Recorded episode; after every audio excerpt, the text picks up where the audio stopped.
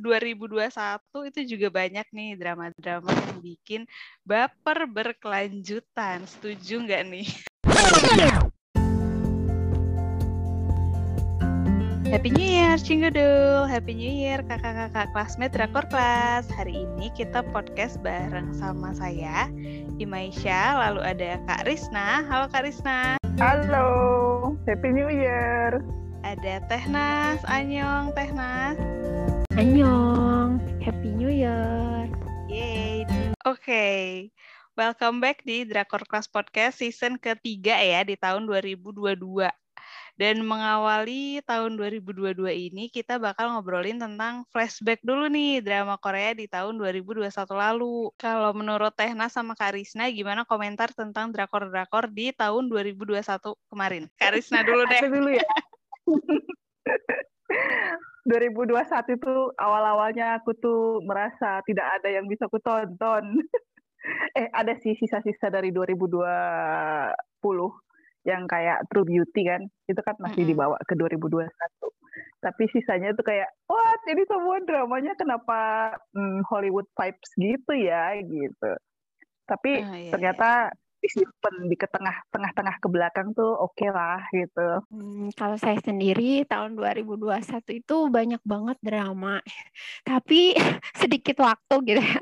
Jadi uh, sedikit list tontonannya itu uh, berkurang gitu. Padahal banyak banget yang dikepoin gitu, pengen dikepoin, tapi tetap ya kita harus uh, nentuin prioritas. Jadi agak milih-milih nih drama yang mana yang pengen ditonton. Yang jelas kalau saya justru malah semangat di awal-awal tahun soalnya ada luka, drama luka yang di Oh, iya ya. Ditulis ya, itu kan ada tulisannya. Iya, iya, walaupun mungkin nggak populer ya dibandingkan drama-drama yang lain, tapi awal tahun itu pastilah kalau ada aktor favorit kita, kita jadi semangat semangat gitu. Mau nggak ada waktu juga disempat-sempatin buat nonton kan kayak gitu. Jadi uh, ke tengah-ke tengah juga sih ada drama-drama yang terutama romance yang ditonton gitu ya yang asyik kayak Monty Magazine, Bumiho hmm. yang kayak gitu. Terus ada drama-drama kayak Netflix yang nggak punya ekspektasi apa-apa tapi kok rame dibicarain gitu ya. Kayak di podcast-podcast sebelumnya juga sampai nontonnya itu uh, akhirnya maraton gitu. Penasaran aduh nontonnya tuh langsung dibabat habis gitu. Gara-gara ini rame rame rame oh ternyata memang rame kayak gitu. Terus juga ada drama yang uh, punya ekspektasi tinggi tapi ternyata loh kok kayak gitu gitu. Salah satunya yaitu drama Sagok yang diadaptasi dari buku itu loh. Apa tuh? Oh, ya, ayo. Red Sky. Oh, ya. Sebagai pembaca Iya benar. Sebagai pembaca bukunya tuh udah punya ekspektasi kan, apalagi penulisnya itu saya baca nih novel sebelum-sebelumnya, jadi uh, punya ekspektasi lebih lah, pengen bagus gitu. Kayak sebelumnya juga dramanya dibuat lebih bagus gitu daripada uh, novelnya gitulah tampilannya. Tapi hmm. uh, agak kurang memenuhi ekspektasi sih yang drama drama Red Sky itu ya gitu sih jadi banyak naik turunnya mudah-mudahan di tahun 2022 lebih banyak waktu buat nonton drama. Yay. Iya iya. Kalau aku sih tahun ini kayak drama itu cukup variatif ya genrenya. Romcom ada yang bagus gitu kan kayak Hometown Caca-Caca, terus Dali gitu kan ya, terus Sagek juga uh, banyak yang rame diomongin ya kayak Red Sky itu kan termasuk yang banyak diomongin gitu kan terus awal-awal tampak menjanjikan gitu. Cuman kok ya emang tengah-tengahnya tuh begitu gitu ya biarpun endingnya sih iya, bener aku suka-suka aja sih kalau akhirnya gitu. Cuman ya tengah-tengahnya tuh kok kayak gini gitu. Uh, apa namanya ya alurnya gitu kan ya. Mm, gergetnya tuh hilang ya? gitu loh. Baca Nah, itu oh. sebagai pembaca bukunya mungkin lebih berasa kali ya ininya. Iya, apalagi kalau drama-drama sebelumnya kan juga saya baca ya novel-novelnya. Itu tuh uh, bagus gitu. Cuman nggak tahu kenapa yang ini tuh kok kayaknya beda gitu. Padahal sayang banget sih. Iya. Gitu. uh, terus kayak banyak juga kan yang dari webtoon ya. Kita sampai punya tulisannya ada berapa belas gitu kan drama yang diangkat dari webtoon ya tahun ini ya. Kayaknya webtoon iya. memang tampak menjanjikan untuk uh, dijadikan drama Korea. itu gimana tuh tanggapan kakak kakak-kakak apakah mengikuti drama itu atau gimana? Kalau aku sih masalahnya adalah aku tidak menonton Sagek. Tapi aku baca sih ya yang masalah kontroversi yang terjadi gitu. Kalau Mr. Queen sendiri itu kan sebenarnya 2020 ya yang uh, tapi sebagian besar ada di 2021. Mm-hmm. Itu depannya aku nonton, aku cukup tertarik gitu, tapi aku nggak terus karena apa ya bad vibes di akunya kayak ya selain kayaknya ya biasalah awal tahun banyak urusan lain-lain gitu kan jadi aku nggak nerusin nonton gitu dan waktu semakin kontroversi aku mikir ah udahlah nggak usah ditonton lah gitu tapi sebenarnya aku bisa lihat sih si Mr. Kun itu bagus sih gitu apa aktingnya Shin Hye Sun itu uh, bagus gitu loh waktu dia jadi kayak memerankan sebagai laki-laki dan juga Betul. waktu dia sebagai ya mama gitu mm-hmm. itu aku akui bagus tapi aku cuman nggak nerusin aja sih nontonnya gitu cuman baca-baca aja jadinya dari tulisan yang ada di Drakor gitu loh terus kalau yeah, yang bener. River Where the Moon Rises itu um, ya itu sih terlalu sejarah banget ya. Jadi aku nggak bahkan tidak mencoba untuk menontonnya. Aku juga. Baca aja. Sama sih aku juga. Cuma baca dari ulasan drakor kas itu lengkap loh ya nggak sih? Ada iya. yang sampai nulis berpart-part itu kan River Where the Moon Rises. iya. Soalnya itu terlalu sejarah sih. Maksudnya um, apa settingnya tuh kalau kalau yang masih si mama itu kan masih agak apa sih fiksinya terasa banget gitu ya fantasinya terasa banget gitu ya. Jadi hmm, walaupun memang ada kayak fakta tentang Raja Choljongnya itu sendiri ada gitu ya tapi kita bisa langsung kayak merasa ini nggak terlalu sejarah gitu. Makanya aku waktu itu mencoba gitu buat menontonnya gitu. Kalau yang si River Moonrises itu kan udah era apa Goreyo atau yang mana gitu pokoknya udah kayak aduh ini mah udah zaman zamannya udah zaman lama banget gitu. Jadi aku nggak nonton gitu. Iya aku nggak aku nggak nonton. Mister Mister Queen tuh aku nonton sih. Uh, terus ya mungkin kontroversinya kontroversinya kayaknya selain dari karena apa namanya uh, kayak orientasi seksualnya si mama dan uh, chef itu yeah. ada lagi nggak sih yang dari sejarahnya kayaknya ada ya tapi aku lupa Terus uh, uh, yang aku sayangkan itu yang paling aku sedih adalah si Joseon Exorcist itu. Padahal tuh kayak udah kangen banget lihat Jang Dong Yun main drama. Terus itu, baru itu dua episode. Satu episode atau dua episode ya? Dua, dua, dua. Dua-duanya aku nonton dua, gitu. ya. Terus, uh, terus langsung dikat ya Allah sedih banget. Aduh, kalau Tehnas gimana Tehnas? Nontonkah drama-drama kontroversi di tahun ini? tahun lalu hmm. nih ya tahun ini udah ganti ya dari tiga drama itu sebenarnya kalau saya nontonnya sekilas-sekilas nih jadi cuma awal-awalnya doang gitu ketika ada kontroversi ya sempat oh ya apa gitu cuman ya itu nggak nggak dilanjut tapi bukan berarti nggak nonton juga ya sebenarnya bisa kan baca di drakor gitu lengkap mm. semua jadi hampir kebayang gitu gimana ceritanya Cuman ya itu sih sedih. Mungkin kalau buat saya sendiri itu yang sedih adalah yang River Where the Moon Rise ya. Soalnya ya sempat ngikutin juga Jisoo gitu gimana. Terus eh, nggak uh, nyangka aja dapat dapat skandal yang kayak gitu gitu kan bullying dan lain-lain. Dan memang dan memang jadi ngerasa aduh kenapa gitu kok? Ya kayak gitu. Emang kayak gimana gitu. Jadi ngerasa juga sih kalau misalnya kita emang cinta sama aktor gitu atau suka gitu tetap nggak boleh berlebih gitu ya. Biar kalau ada apa-apa tuh nggak nggak patah hati banget tetap gitu. kalem gitu ya. Kalau ada iya, apa-apa tetap tenang. gitu Iya tetap tenang kayak gitulah Cuman ya itu uh, sempat salut juga sih sama Kim So Hyun ya kalau baca-baca dari itunya kan dia harus take berapa ulang gitu kan ganti hmm. gitu. Jadi uh, pada Kim So Hyun itu kan masih terbilang muda gitu tapi dia profesional banget gitu. Jadi di balik sedihnya juga ada sisi lain yang ditonjolkan gitu kru-krunya juga bahkan di akhir-akhir juga kan ada sempat ya katanya bayarannya belum dibagi gitu kan aduh kasihan banget gitu uh, mau ngasih apa ya sesuatu yang bermutu buat kita buat menonton gitu. Tapi banyak kontroversi kayak gitu. Nggak kebayang sih gimana capeknya harus ulang lagi. Dan mungkin juga sebagai netizen juga ya nggak bisa disalahin ya kalau misalnya drama-drama saga kayak gitu. Mungkin ada hubungannya juga dengan budaya gitu. Kalau kita juga mungkin disangkutin sama tetangga sebelah gitu kan suka hmm. ya sensi kayak gitu sensi kan ya sama gitu apalagi ngomongin sejarah. Jadi memang harus berhati-hati gitu. Cuman kalau bagi saya sendiri yang tidak memahami, saya sih menganggapnya oh itu kan fiksi gitu ya. Mungkin harus iya. perbedaan yeah. tarik sejarah dan fiksinya itu agak susah gitu ya. Mungkin penulisnya nih sebagai kita yang suka nulis gitu harus lebih riset yeah. lagi gitu ya. lebih riset lagi gimana buat fiksi yang uh, enggak kontroversial kayak gitu. Jadi kalau mau fiksi fiksi sekalian ya kayak Mr. Queen gitu gitu kan yang beneran apa namanya kontroversi. iya sih maksudnya tadi jadi ini bener-bener fiksi yang nggak ada hubungannya lagi sama sejarah gitu kan ya atau yeah. cuma nyenggol-nyenggol dikit lah gitu kan kayak The Red Sleeve itu kan juga masih sejarahnya ini banget kan. Jadi kita kita tuh berasa dibawa ke zaman dulu gitu terus ngikutin dan mungkin buat uh, penonton awam ya aku gitu kan bisa aja kan gue menganggap wah ternyata sejarah Korea kayak gini gitu kan kalau tidak mencari tahu lebih lanjut dan hanya mengandalkan nonton drakor gitu. Benar.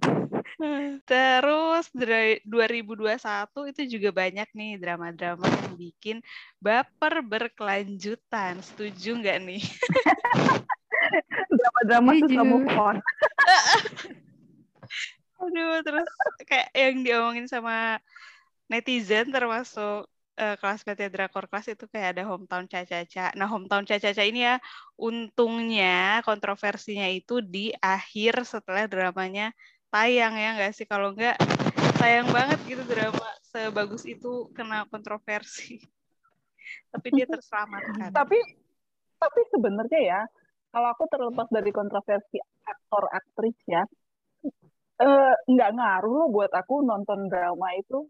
Maksudku kalau emang ceritanya aku suka terus aku lihat aktingnya pada bagus gitu ya aku tonton aja loh. Aku nggak peduli dengan uh, apa personal life-nya mereka ternyata ada kontroversinya gitu loh maksudku. Kita ya, lihat karyanya ya. ya.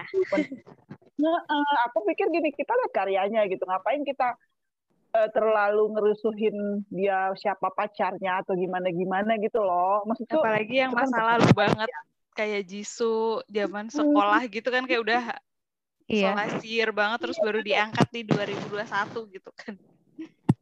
Iya, maksud aku kan apa ya ya kita lihat karyanya aja kita fokus di dia uh, gimana sih aktingnya misalnya. Kalau dia misalnya akting jelek kita celah-celah boleh lah gitu ya. Tapi kalau misalnya cuma karena oh dulu dia begini begono ya ke urusan kita juga kale kan gitu.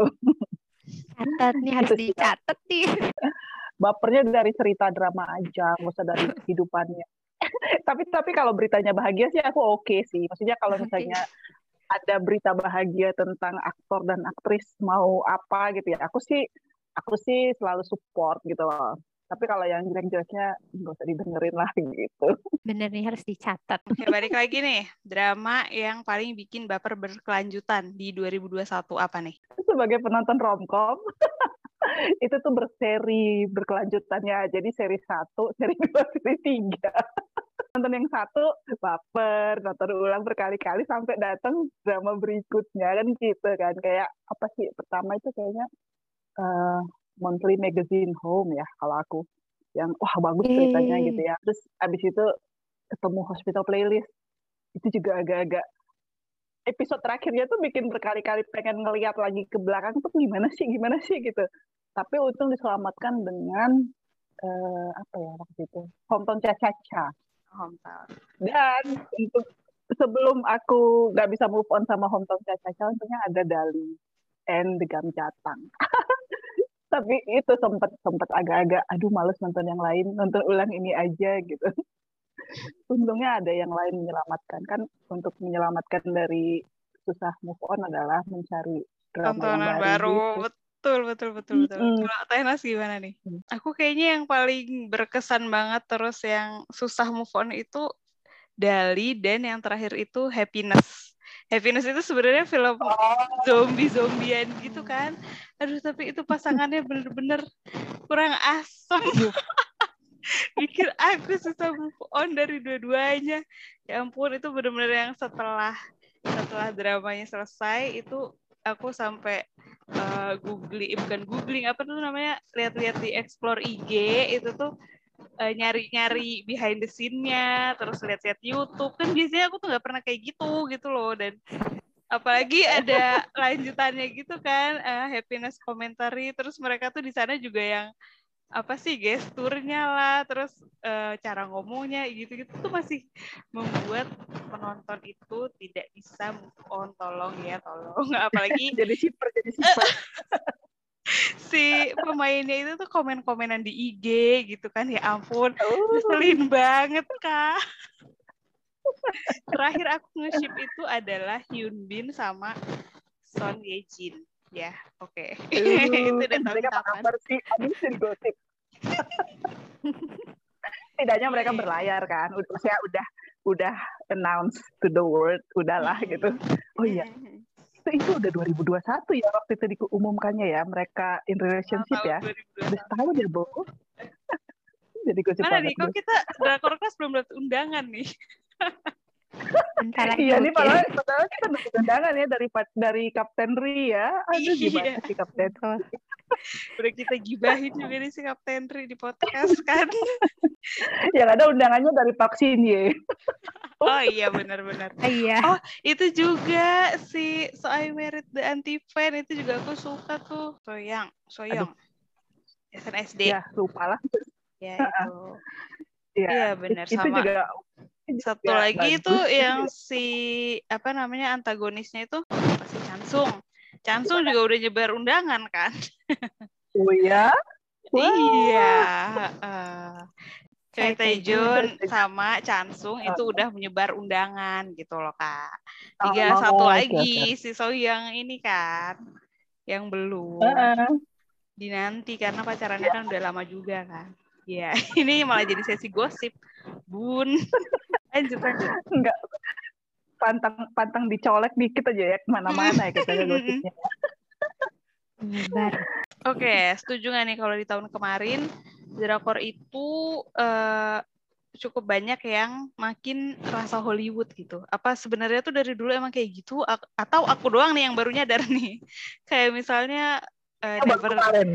Nevertheless gitu kan Nevertheless tuh menurut aku ala-ala Hollywood gitu karena dia um, percintaannya kan kalau drama Korea kan biasanya slow burn gitu kan ya dari lihat-lihatan gitu kan terus senggol-senggolan dikit gitu kan kalau ini kan dari episode awal juga wah udah bersemangat sekali tapi, gitu kan kayaknya yang di, yang di Changwok itu bukannya gitu juga yang Love Struck in the City itu 2021 kan iya atau 2020 21 iya. kayaknya. Ya.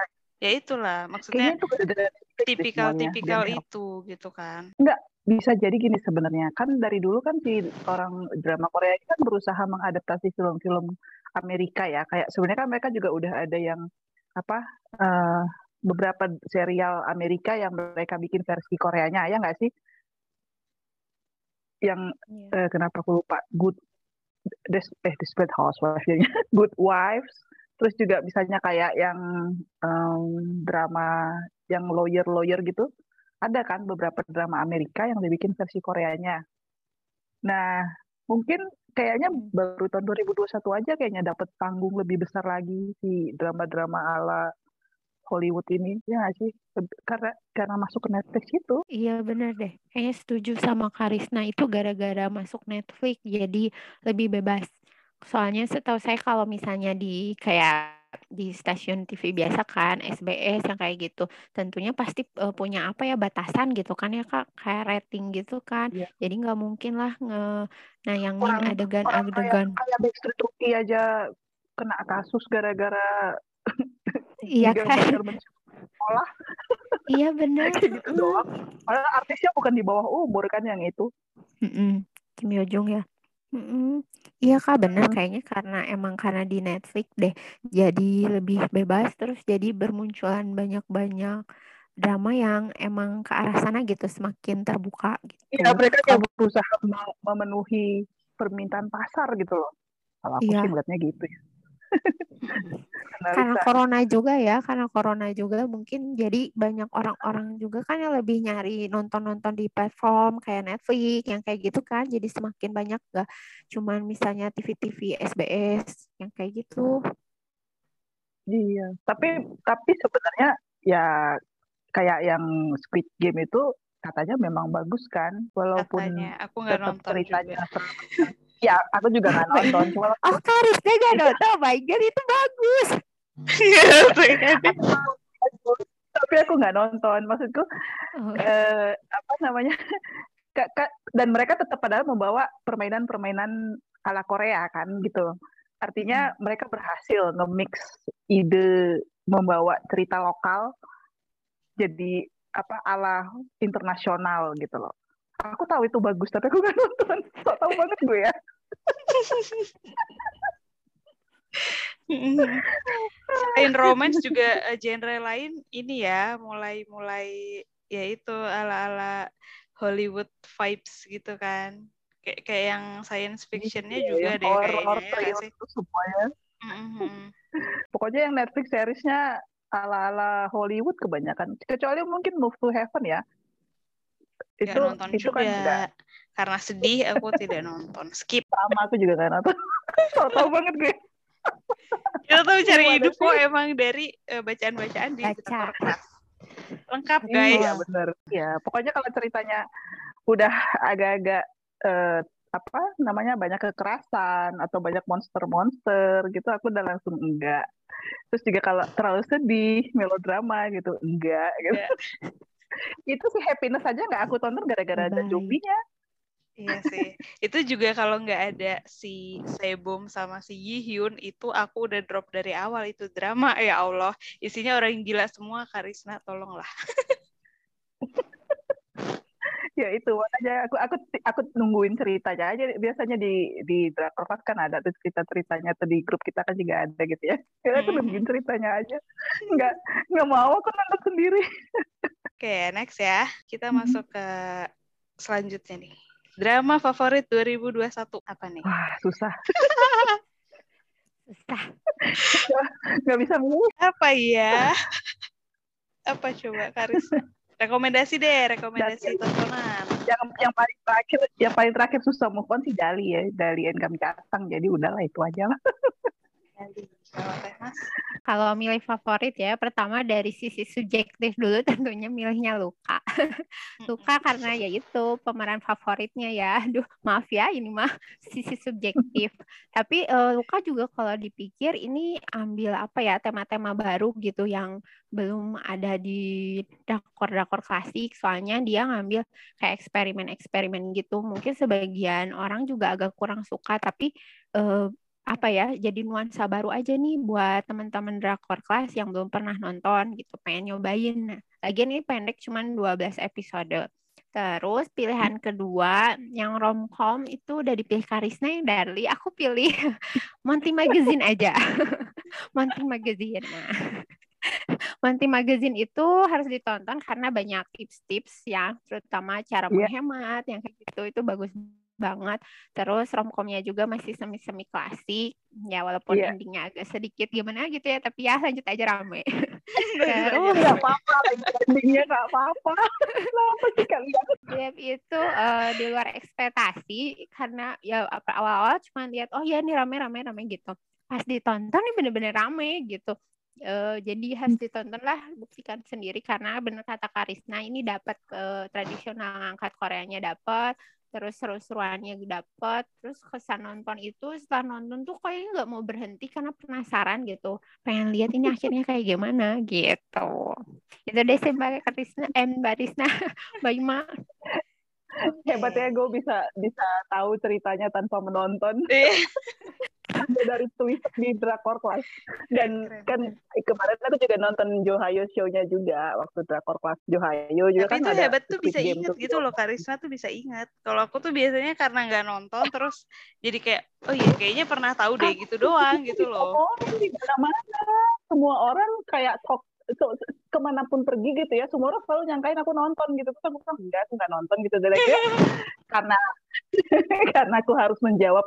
Ya kan orang tahu kan kita orang drakor kayak ya lu kan nonton drakor biasanya gitu kan. Dan itu kan hype banget. Dan di apa kayak memecahkan rekor Netflix juga kan. Dia berapa lama gitu di number one-nya gitulah ceritanya. Jadi ya untuk bisa men menjawab gitu, biasanya sih kuarahin udahlah kalau mau ngomongin Squid Game uh, udah ada tulisannya di Drakor apa sih gitu doang gitu ya. Tapi kan ya aku harus bisa ini juga lah mengerti apa yang sedang dibicarakan. Mantap. Tetap update. gitu. Aduh, favorit aku 2021 happiness lah udah. Silahkan dibaca reviewnya di Drakor Class ada di uh, blog pribadi saya juga ada ya. Promosi. Terus di tahun 2022 ini nih ada nggak aktor atau aktris yang ditunggu karyanya? Karyanya ya bukan undangan ya tolong. Siapa siapa siapa? Aku belum baca sih. Maksudku 2022 ini siapa yang main? Aku siap nunggu yang bagus-bagus aja lah pokoknya.